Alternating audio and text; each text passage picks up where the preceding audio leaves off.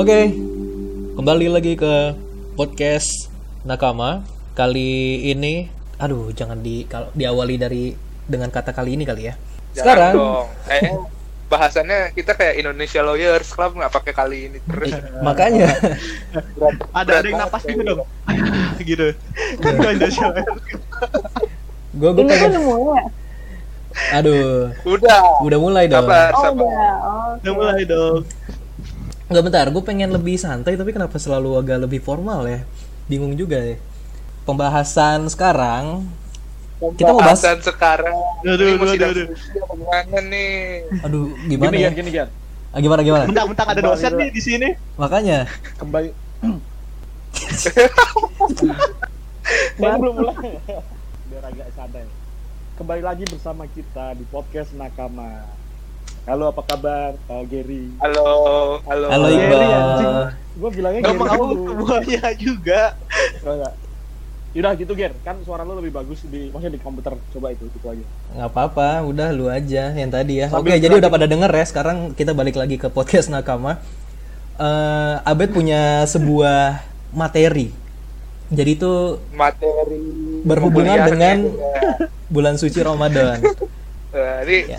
udah udah alhamdulillah udah sepertiga ya, Be- ya Ge? eh dua pertiga ya Ger ya? Udah masuk ke 10 hari terakhir. 10 hari terakhir nih Lailatul Qadar nih Insya Allah nih. Amin, amin. Ini kenapa jadi pada diem semua nih? Tapi ngerti Pak bahasan. tapi aduh. Ini jadi yang yang bakal ngebahas ini sorry, maksudnya kita bakal ngebahas semua, cuma nanti kita bukan nanti ya, sekarang kita kehadiran salah satu temen eh, seperibadahan Abednego Giovanni. Mari kita sambut Widya Hasya. Ya, aduh, apa Halo. kabar Widya? Bang, apa kabar lu? Baik. Baik, baik. Baik, baik, baik. Wait lagi sibuk apa nih Wit? Gue, ya ini masuk podcast kalian. Aduh. Berarti Benar, cukup benar. lowong nih cukup lowong berarti Tidak ada kesibukan berarti. Dipaksa saudara Abed. Wah, bet ini pemaksaan Waduh. ini. gua lagi coba gua tuh nggak pernah maksa loh gua orang baik-baik Tidak baik loh padahal. Maksa-maksa. Oke. iya Ada. Jadi jadi gimana Bet? Apa sih yang mau lu bahas sehingga harus mendatang, mendatangkan Widya Hasian ke podcast kita? jadi kan begini nih gua ini kan sebagai minority Wow. di Oke. Wow. Oke. Wow, yang kita baru nyadar, Bet. Kita baru nyadar. Oh my god. Gue baru tahu loh, gue. Iya sama. Gue gue baru tahu loh. Oh iya gitu gue kasih tahu tuh buat para pendengar sekalian tuh. Em, di kampus kita yang dulu, gua kan dulu tuh tidak akrab dengan budaya Ramadan. Karena di Hmm. keluarga kan ya keluarga non Muslim Oke. kasarnya kan gitu. Nah makanya pas ke kampus itu, gua rada-rada hmm, apa ya namanya sih cultural shock lah gitu kan. Waduh. tiba-tiba gitu. Nah, gua sebagai orang yang tidak taat mengajak Widya sebagai orang taat buat ngelihat dari pandangannya Widya. Kalau dari pandangan gue doang mah, kalau dari pandangan gue mah ya tetap aja. Begitu. Kita ngomongin soal gimana sih Widya ini dulu dan sekarang kan Widya masih di sekitaran kampus nih. Mm, mm, Eh, mm. di bulan Ramadan ini gimana sih cara dia beradaptasi kutip-kutip itu dengan suasana Ramadan? Gitu, Geris. Oke. Bisa langsung dijawab kali ya. Gimana gimana Wid? Kalau lu Wid adaptasinya? Ya. Dari awal. Kalau kan lu pernah dari pas di PB itu, Wip. Nah, ya Widya kan nah kampusnya kesebut deh. Kan Oh iya. Iya. Wi- Widya kan setahu gue eh, lu kan ngerantau ya ke kampus Heeh, benar-benar. yang ngerantau kan dan dan dan di kampus itu pasti ya pertama jauh dari keluarga yang Widya karena ngerantau terus juga Widya juga di sana kan pernah asrama setahun kan.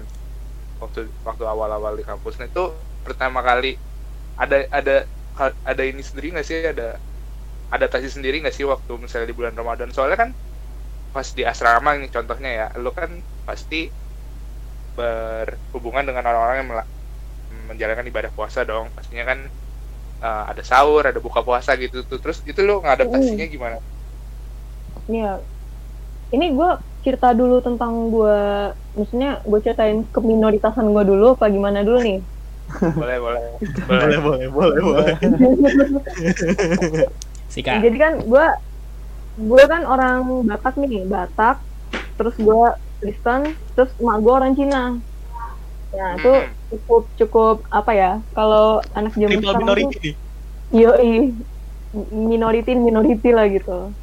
oke Nah, Eh, tapi gue kebetulan gue tinggal di Riau Pekanbaru. Nah ini kota yang cukup bisa dibilang cukup inklusif ya. Maksudnya berbagai macam suku dan berbagai macam agama itu banyak di tempat tinggal gue. Nah jadi gue sebenarnya udah lumayan terbiasa dengan eh, lingkungan yang nggak begitu eksklusif.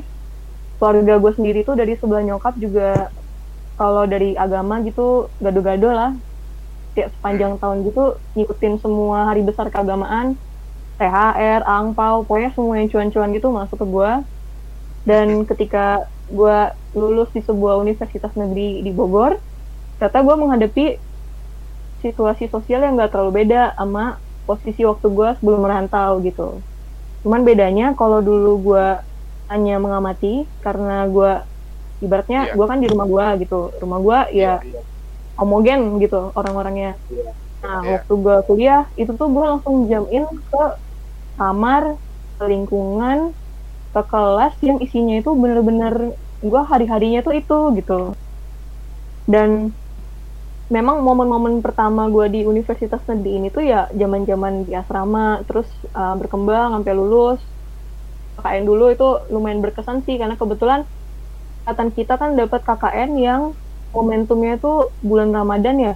Kita juga berangkat tuh posisinya Benar, benar. hari ke- hari keempat puasa apa ya? Ya, Pokoknya hari langsung- awal-awal puasa lah. Heeh.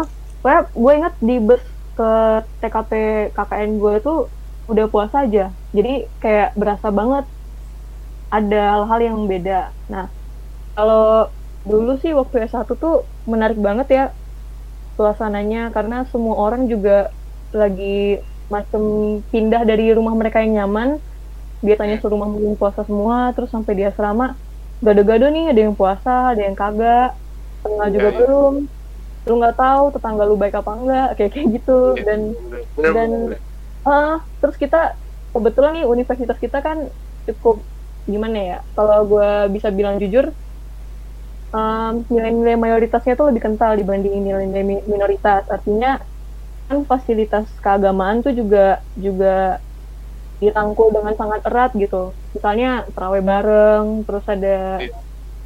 itu tuh lebih lebih kental lah suasananya gitu. Dan ya gue jujur sebagai orang yang nonis, gue cukup menikmati gitu ramah tamahan di bulan Ramadan terus uh, segala macam aktivitas yang ada di asrama kayak gitu dan pun menghadapi situasi yang menurut gua nggak menyusahkan buat gue yang minoritas gitu nggak nggak terlalu menuntut gua untuk berubah keluar dari jati diri gue sendiri teman-teman gua dan kalian sih kan kalian juga orang-orang yang termasuk paling banyak interaksinya yang anaknya satu jurusan itu Emang iya. ya? sangat maksud lo apa sih gue gua kan gua kan anak biokim sebenarnya oh Waduh.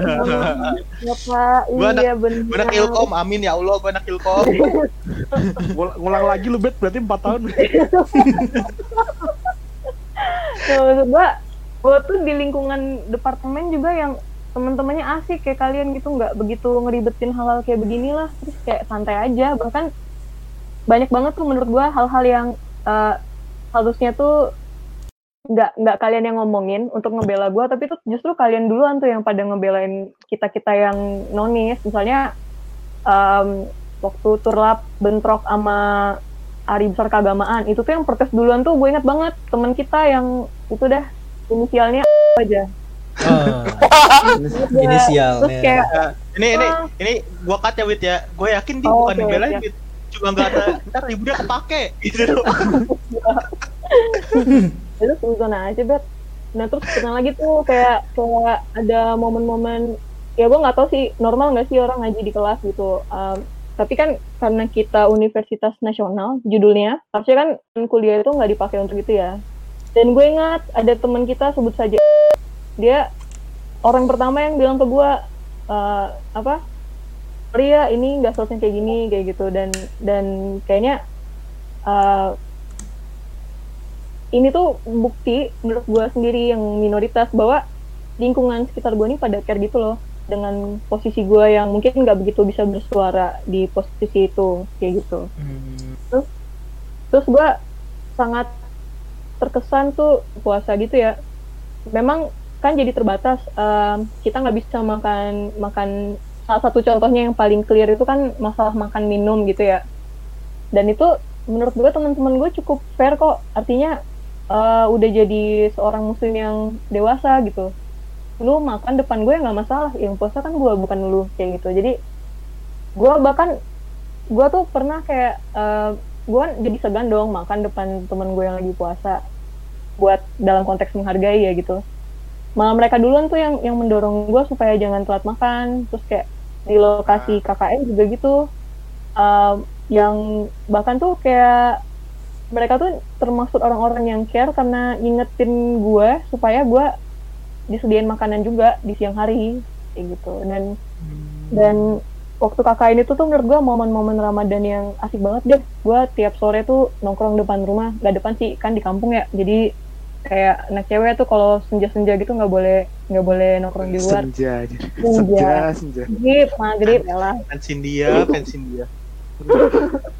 terus gue gue nunggu di rumah tuh nunggu uh, temen-temen gue yang pada ke masjid ntar pulang tuh bawa kotakan gitu isinya Iya, makanan banyak lagi jadi gue penikmat sejati lah kurang lebih Gue Hmm. Bentar, lu dulu KKN di mana sih? Penasaran gue gua. kebetulan di Jawa Tengah di Oh. Jepara Sama gua ya. lu siapa ya mohon maaf Oh, iya, iya, iya. Kebangetan aja sih, Iqbal. Enggak, beda-beda kecamatan, Bos. Kan gua Oh. kursan lain. Oh gitu ya oh iya sama lu oh, bener-bener lu Gue di udah mana? inget ya. Lu sama lu di kecamatannya teman kita yang itu kan, ketua angkatan kan dia. Eh, apa iya apa teman kita yang iya ngeband itu? pas banget pas banget Yang di PKN. sebelah desanya doi Oh. Iya, iya, iya, inget gua, inget, inget. sebelahan gue desanya cuman dia sombong aja sih nggak pernah main ke desa gue Ya, pernahnya main ke desa gua coba. oke mohon maaf Karena apa Itu- tuh? Karena apa tuh? Aduh. kabur ya. Ya karena mau buka bareng. Tuh, coba coba. Oh. Lu gak pernah diajak buka bareng gitu? Wait. Waktu ya di desa itu loh. pasti kalau buka gitu. bareng pasti kan Hmm. kan apa bareng-bareng gitu cuman gue nggak diajakin sahur cuy Ya ngerti lu capek kali ya? Maksudnya capek. ya mungkin karena tidur gua gitu, makannya makannya banyak kali ya ntar ngabisin makanan sahur kan Aduh. lumayan juga enggak enggak. Ya maksudnya itu salah satu menurut gue ya itu salah satu bukti kalau teman-teman gue nggak nggak mencoba untuk bikin gue keluar dari jati diri gue gitu. Sahur ya itu pilihan gue. Kalau gue mau ikut silahkan terus ntar kalau gue habis sahur jam-jam 8 mau sarapan lagi ya silahkan gitu. Jadi nggak nggak ibaratnya gue nggak di nggak dipaksa untuk untuk ngikutin eh, apa ibaratnya tuh waktunya temen-temen gue yang puasa kayak gitu Hmm, Seru seru, seru Jadinya- ceritanya. iya, jadinya fleksibel gitu ya. Kalau dari gue sih, ini dari sudut pandang gue ya. Gue kan juga ngalamin nih. Gue juga cukup sama lah kayak Widya Hasian lah. Enggak enggak beda-beda. Kira-kira ya. Cuma beda nggak taat doang, Bal. Itu doang bedanya. Eh kalau misalnya gua sih ya KKP ya gue di Bogor juga. Udah gitu ya buka-buka aja sih warung. Temen-temen temen gue juga ada satu yang nonis juga yang kebetulan sejurusan sama gua. Eh gue sih makan-makan aja karena nggak ada yang masalah juga. Ditawarin gitu-gitu waktu KKP makanya gue kurang relate sama Widya. Widya tuh temennya kayaknya baik banget gitu kan? Iya anjay. Waktu waktu di asrama juga gua eh makan sih cuma nggak enak aja guanya. Karena sekamar juga sama satu teman jurusan juga gua. Di asrama nggak enak aja. Nanti jadi bahan gibah di kelas kan. Nggak nggak. Eh, karena nggak enak. Eh, gua sih sistemnya menghargai. Jadi kadang itu gue sampai em, menawarkan diri buat eh gue yang bangunin sahur dong minggu ini gitu. Eh, karena kasihan teman-teman yang lain kalau misalnya ini gantian. Lu pernah gitu juga nggak Wit? maksudnya lu bangunin sahur gitu waktu di asrama atau ngingetin buka atau gimana gitu momen-momen lu waktu itu terkait waktu di asrama gitu Kalau gue sih orangnya lebih lebih cenderung ngingetin buka ya dibanding ngingetin sahur karena gue nggak morning person. Jadi Hmm. ya, Iya. dan dan momen buka itu tuh kayak apa ya? Itu tuh momentum kita makan bareng juga. Kalau siang kan kadang lu masih pada kuliah, terus kayak belum tentu ada di kamar. Tapi kalau buka puasa tuh otomatis tuh ada di kamar. Dan biasanya kita eh, ngegelar makanan bareng. Ya nggak peduli gue udah makan atau belum sebelumnya, tapi gue pasti nimbrung dan kita dan kayak kayak apa ya tukar-tukaran menu gitu. Hmm. Menu kita sebenarnya nggak terlalu berbeda sih sumbernya. Iya makanya Dari tukeran menu tuh gimana sih ya? Lu beli telur, teman lu beli telur sama-sama telurnya gitu. Ya? Yang tadi kan mikir Yang satu Iya. telur dari Yang warteg telur dadar. Telur warteg B gitu ya. Satu Enggak, keren. satu warteg juga, Riz. Satu telur dadar, satu telur kecap, satu telur ceplok biasa. Nah. Ya lu paham sendiri lah Bal, yang penting niatnya. Oh iya, benar benar benar. Selamat tamu cuy. Apalagi Bet? Pertanyaannya Bet. gue tuh apa ya? Gue tuh tiap ngomongin lebaran gini, gue jadi kangen kampus, sumpah deh. Kayak gila. momen-momen lebaran itu tuh kayak bawa motor siang-siang. Mungkin Ramadan Iya. kali bet kan. Ramadan. Ramadan, Ramadan. Heeh. Karena bentar lagi lebaran, gue jadinya nggak sabar gitu. Oh. Momen Ramadan gitu tuh kayak gue siang-siang aus, bawa motor keliling-keliling, gak ada yang buka. Ya udah pulang tidur. Itu momen-momen gitu tuh maksud gue. Keren gua, lu keren gua lu pulang minum, Bet. Dia tidur ya, tidur pak. di rumah kan di, di kota kan juga gak ada minum. Itu tuh kayak Oh, apa ya?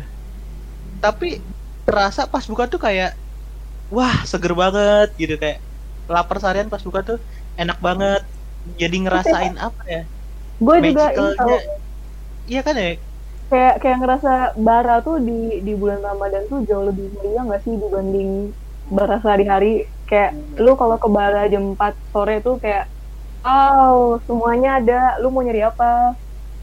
Tumpah ruah masyarakat kampus kita tercinta berburu Yang nggak ada. Yang nggak ada cuma kan kalau kata Abed katanya. Ya, aku lu bet. Lo gue lagi.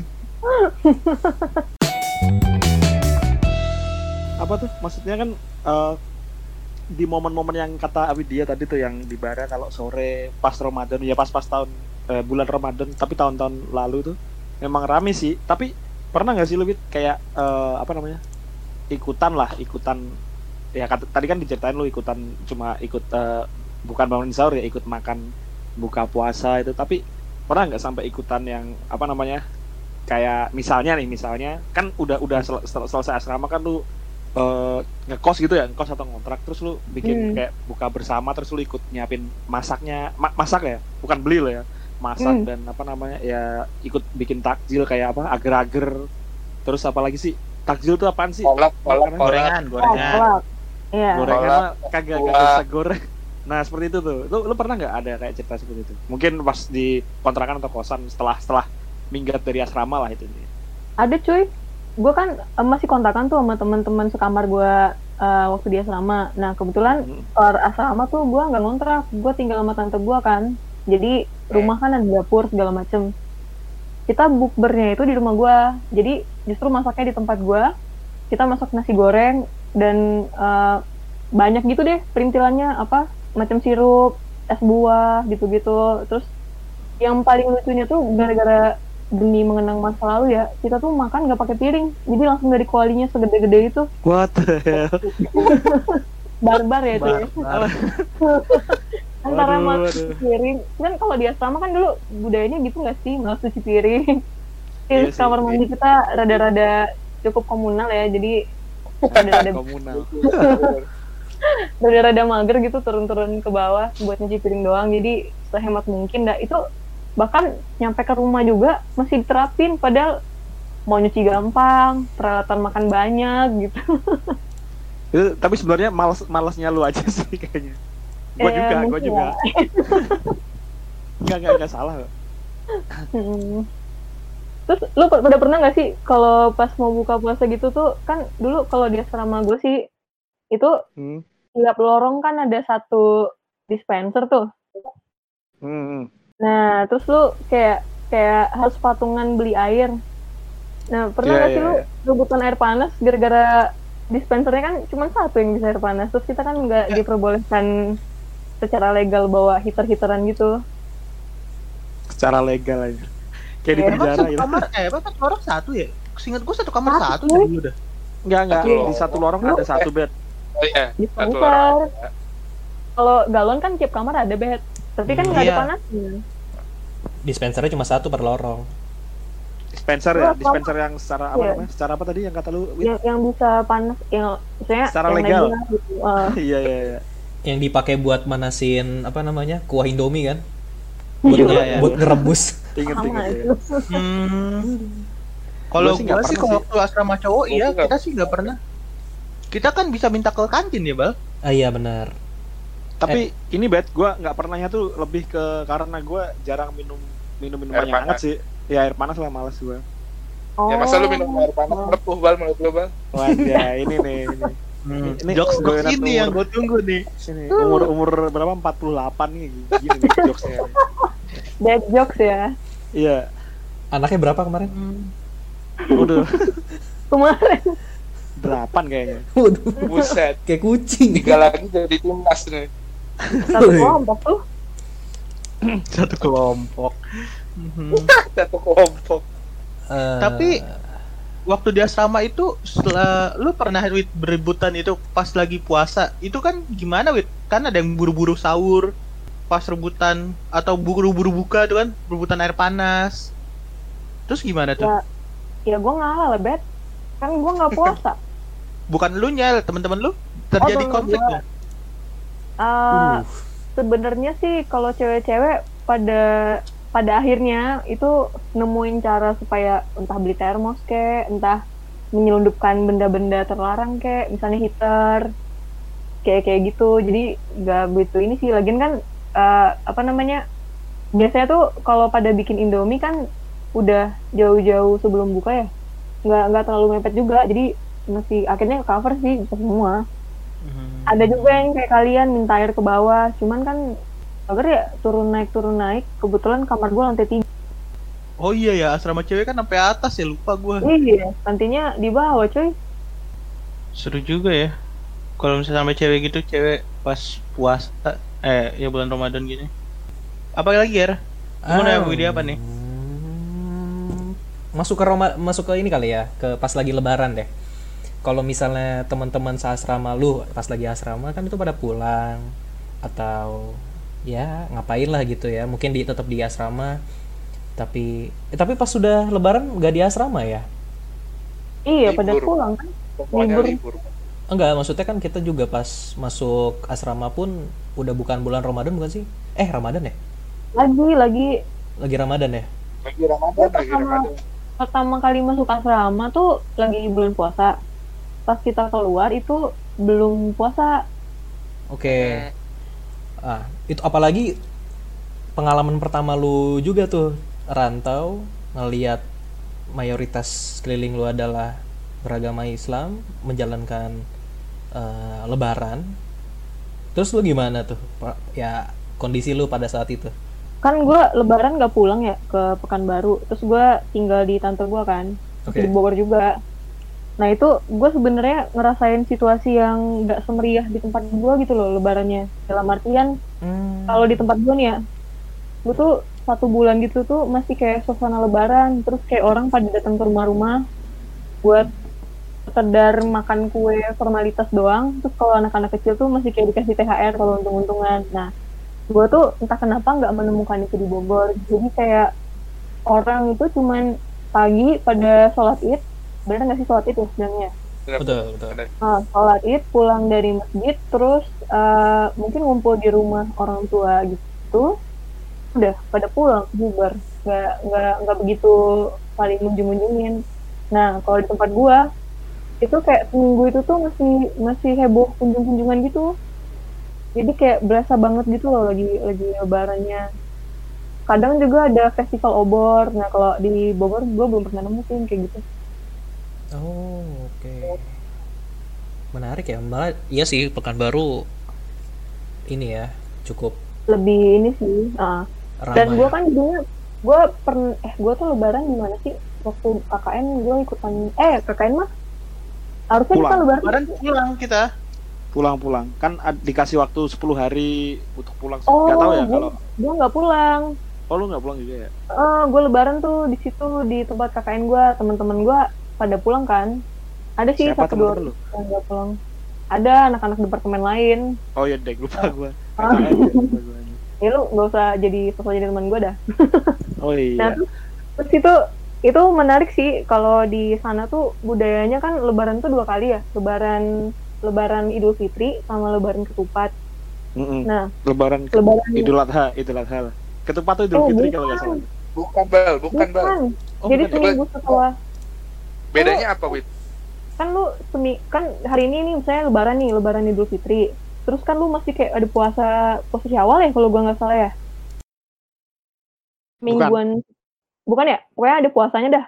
Nah, setelah lebaran lu puasa lagi, terus ntar ada lebaran ketupat gitu, kayak seminggu setelah lebaran eh, lebaran Idul Fitri. Nah, kalau yang lebaran Idul Fitri itu kayak hampir mirip di Pekanbaru, tiap-tiap rumah itu ada ada nyediain makanan gitu, terus kunjung-kunjungan, terus dikasih makanan-makanan tradisional. Gue lupa sih namanya apa, tapi gue nyobain semuanya. Terus habis itu besoknya tuh puasa lagi. Gue lupa dah di lebaran kedua apa lebaran hari hari setelah lebaran kedua mulai puasa lagi. Terus setelah itu seminggunya baru lebaran ketupat. Nah, lebaran ketupat ini tuh lebih meriah dibanding Idul Fitri karena di desa gue tuh semua orang ngumpul di pinggir pantai. Kebetulan kan desanya desa pesisir ya, desa pantai. Terus pada ini makan-makan, bakar sate, nyambel di situ, terus di situ deh ada ada gerak jalan santai. Pokoknya rame deh momentum lebaran ketupat itu. bareng-bareng itu ya warga warkam sih Iya, warga situ rekam sih eh, bareng-bareng. Nah tuh yang paling menurut gue tuh yang paling seru tuh momen masak-masaknya nih karena hampir semua pergosipan tentang desa tuh terjadi di momentum masak bareng.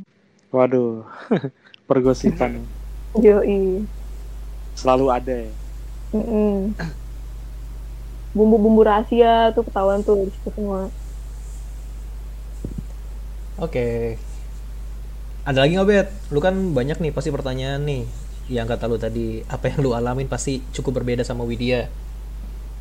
Masa lagi Bet. pertanyaan? Apa ya? Kalau gua sih ini cenderung inappropriate ya sebenarnya. ya. Waduh. enggak enggak Eh enggak enggak, ini inappropriate in a legal way. Oke. enggak enggak enggak, enggak. Gas dulu aja, gas Enggak, enggak, dulu. ini masih legal, masih legal, masih legal. Gas aja Jadi dulu. dulu eh, waktu bulan Ramadan itu salah satu yang gue suka adalah makan diem-diem. Kuat. Pas Jadi kalau yang kalau berisik gimana bet nelannya? ya Hmm. karena be- ya, bak- kedengeran semua kalau berisik. Eh, maksud gua kayak diem-diem gitu makannya buru-buru itu emang inappropriate sebenarnya kalau ngomong sama temen-temen gue juga pasti ya udah makan-makan aja gitu kan. Cuma kayak jadinya tuh makanan lebih enak aja. Gak tau kenapa. Karena nggak lu bagi. Ya, enggak juga loh bos. Bagi mah bagi juga. Pas buka juga gua kasih. Oke. Karena kan gue biasa dibekelin gitu. Karena Gua- kalau misalnya gue habis balik dari rumah tuh biasa gue dibekelin lauk gitu di rumah buat Gua- dua hari. Mantap pertanyaan lu bet. Eh, ada nggak sih momen kayak gitu di di masa-masa gua kuliah dulu ya? Ha, iya ya. sebenarnya yang paling gue ingat itu waktu di KKN gue ya lagi-lagi kalau di asrama kan kayak ya orang kalau lagi ngumpul di kamar siang-siang gitu kan ya paling pada tidur jadi nggak tempat tidur kita kan bertingkat jadi nggak begitu kelihatan kan kalau dia tidur di atas gue di bawah ngapain gitu. Kalau di KKN itu kan kita bareng-bareng terus jadi ketahuan. Nah gue ingat banget tuh gue tuh kalau makan siang-siang gue tuh selalu kayak gak enakan gitu kan. Gue masak juga takut baunya kecium terus kayak gue makan di dapur mojok sendirian gitu. Cuman ya teman-teman gue santai aja sih. Kayak mereka juga lewat-lewat dapur terus ngeliatin gue makan terus tiap tiap mereka lewat kan gue kayak kayak apa ya mempercepat ritme makan gue gitu. Malah mereka bilang Hmm. santai aja kali yang makan makan aja gitu. Dan gue tuh merasa banget pas awal-awal puasa tuh semua orang pada jaim. Karena emang baru baru bareng-bareng di situ kan. Baru kenal juga. Nah hari-hari terakhir itu tuh malah yang mancing-mancing soal makanan tuh temen-temen gue yang puasa. Jadi kayak anjing kita udah lama nggak mak- nggak makan burger ya? Kayak gitu. Terus kayak di sini tuh ada KFC nggak sih misalnya kayak gitu eh ntar sensor ya namanya nggak nggak dibayar. Eh, KFC, we see you. Iya. jadi jadi kayak di terakhir-terakhir tuh malah mereka duluan yang mancing-mancing. Wih, lu nggak makan siang apa? Biar gua nyium bau-bau enak gitu. Jadi kayak kayak kurang kerjaan banget. terus kalau misalnya kita siang-siang ada acara penyuluhan atau apa, kadang kan masih suka dibekelin makanan nih sama yang eh, dari puskesmas atau dari mana, terus bawa pulang kan. Terus, eh, lu pada bawa apa? Pada kayak gitu. Kita bukain tuh bungkusannya. Tengah hari nih siang-siang. Ini mah apa ya? Enak kali ya? Wait, wait, cobain, wait. Kasih tau gue rasanya gimana pada kayak gitu coba. Jadi, yang malah malah heboh tuh temen-temen gue yang puasa, gue mah udah biasa aja jatuhnya. Kocak deh pokoknya. Widya nih pengalaman waktu KKN-nya banyak ya soal puasa ya. Karena Makanya emang kita di bulan puasa, Brit. Kebetulan. Ya maksud gua gua cuma gitu-gitu aja KKN-nya karena gua nggak sendiri yang Oh, tidak ah. puasanya. Iya, iya, iya. Ada juga kawan kita yang nggak puasa. Hmm. Gue nggak tahu ya, entah kenapa momentum gue hidup sebagai minoritas di tengah-tengah mayoritas itu tuh selalu cerita-cerita bahagia gitu, Bet. Alhamdulillah. Alhamdulillah. Jadi Wajib jadi kayak Indonesiaku. Heeh. Jadi kayak misalnya nih waktu KKN lagi nih, kan gue nggak tahu gereja ada di mana gitu. Terus gue di di ini dianterin coba ke gereja sama teman gue yang muslim. Gue ditungguin sampai ibadah selesai. Habis itu ternyata salah gereja kan. Maksudnya gue kan protestan ya. Terus itu diantarnya ke gereja Katolik. Terus minggu depannya tuh dicariin lagi gereja yang benar. Jadi kayak gue tuh bener-bener di ibaratnya kan bisa aja kalau ngomong agama ya agama lu agama lu agama gue agama gue gitu. Cuman di sini tuh ada kayak kepedulian gitu loh. Oke. jadi kayak kayak apa ya gue terharu aja sih. Terus gue ingat lagi temen gue kan ada satu orang yang nggak nggak pulang nih waktu lebaran. Gara-gara dia mau dijemput ke lokasi KKN cuman setelah lebaran. Jadi hari itu tuh dia tuh galau antara sholat id apa enggak. Karena di, di dia kan perempuan kebetulan di desa gue itu eh, nggak lumrah kalau perempuan ikut ke masjid buat sholat id. Biasanya cowok-cowok doang. Hmm. dan gue nggak tahu itu kenapa. Jadi di di kecamatan gue itu cuma satu masjid dan itu lumayan jauh ke depan. Kayak lu harus ngelewatin sawah daerah yang cuma sawah doang gitu baru ke jalan besar terus masih dari jalan besar tuh masih kayak lima menit lagi baru nemu masjid yang cewek juga ikutan sholat id nah dia tuh resah tapi gelisah tapi gak enak juga mau bilang ke gue kebetulan anaknya nggak bisa naik motor. Eh maksudnya nggak bisa nyetir motor. Jadi dia kayak kayak apa ya sungkan gitu deh. Eh, minta tolong dianterin. Sementara di rumah itu cuman ada kebetulan kita tinggal di rumah ibu yang udah janda. Anaknya laki-laki tapi kan anaknya ini eh, ibaratnya akan sholat id gitu. Di masjid yang dekat rumahnya dia. Hmm. Nah temen gue itu jadi bingung gitu. Kayak apa ya gue gimana buat bisa sholat id? Karena ibu rumah tuh akhirnya kayak ya udah sih nggak usah sholat id. Kan emang nggak umum gitu cewek ikut sholat id kalau di sana gitu. Hmm. dan akhirnya ya gue paham temen gue kasihan juga kan. Orang gue aja gereja dianterin ya udah gue anterin tuh dia sholat id. Pulangnya gue jemput. Jadi kayak memang suasana kerukunan keagamaan gitu tuh selalu dapat gitu kalau menurut gue ya di perjalanan gue sepanjang kuliah Oke. Toleransi. toleransi pas banget Lumayan, mantap. Oke, Mbak Widya rasanya mungkin itu kali ya yang bisa kita tanya-tanya. Nggak tahu nih Mas Abed mungkin banyak nih kali sebenarnya. Ada lagi emangnya Bet? Pertanyaan Bet? Hmm, kayaknya sih Widya udah sangat menceritakan the magic of Ramadan Eh mantap. Yoi. eh, ke kita kita dan para pendengar sekalian.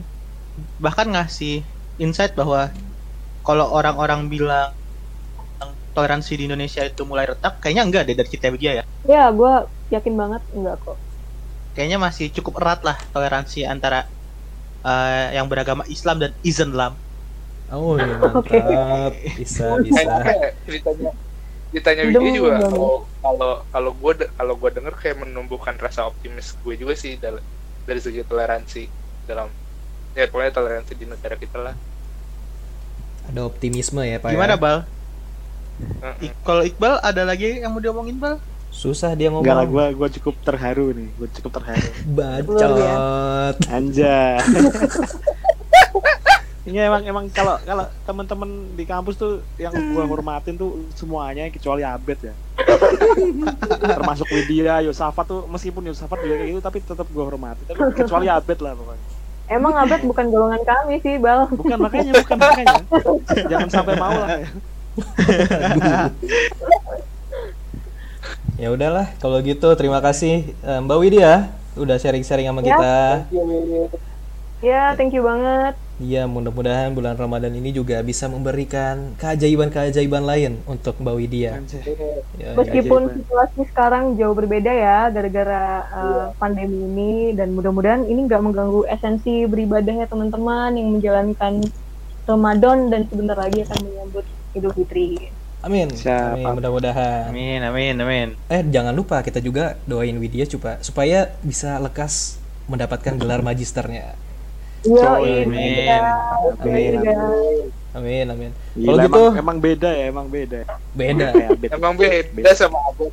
Beda banget. kayak ke TV One ya. ya udah, Abed memang beda. ya udah daripada kita makin ngalor ngidul, Abed. iya, kita tutup saja. Terima kasih Mbak Widya dan teman-teman yang lain serta pendengar yang lain ya. Dadah semua. Dadah. Sehat-sehat.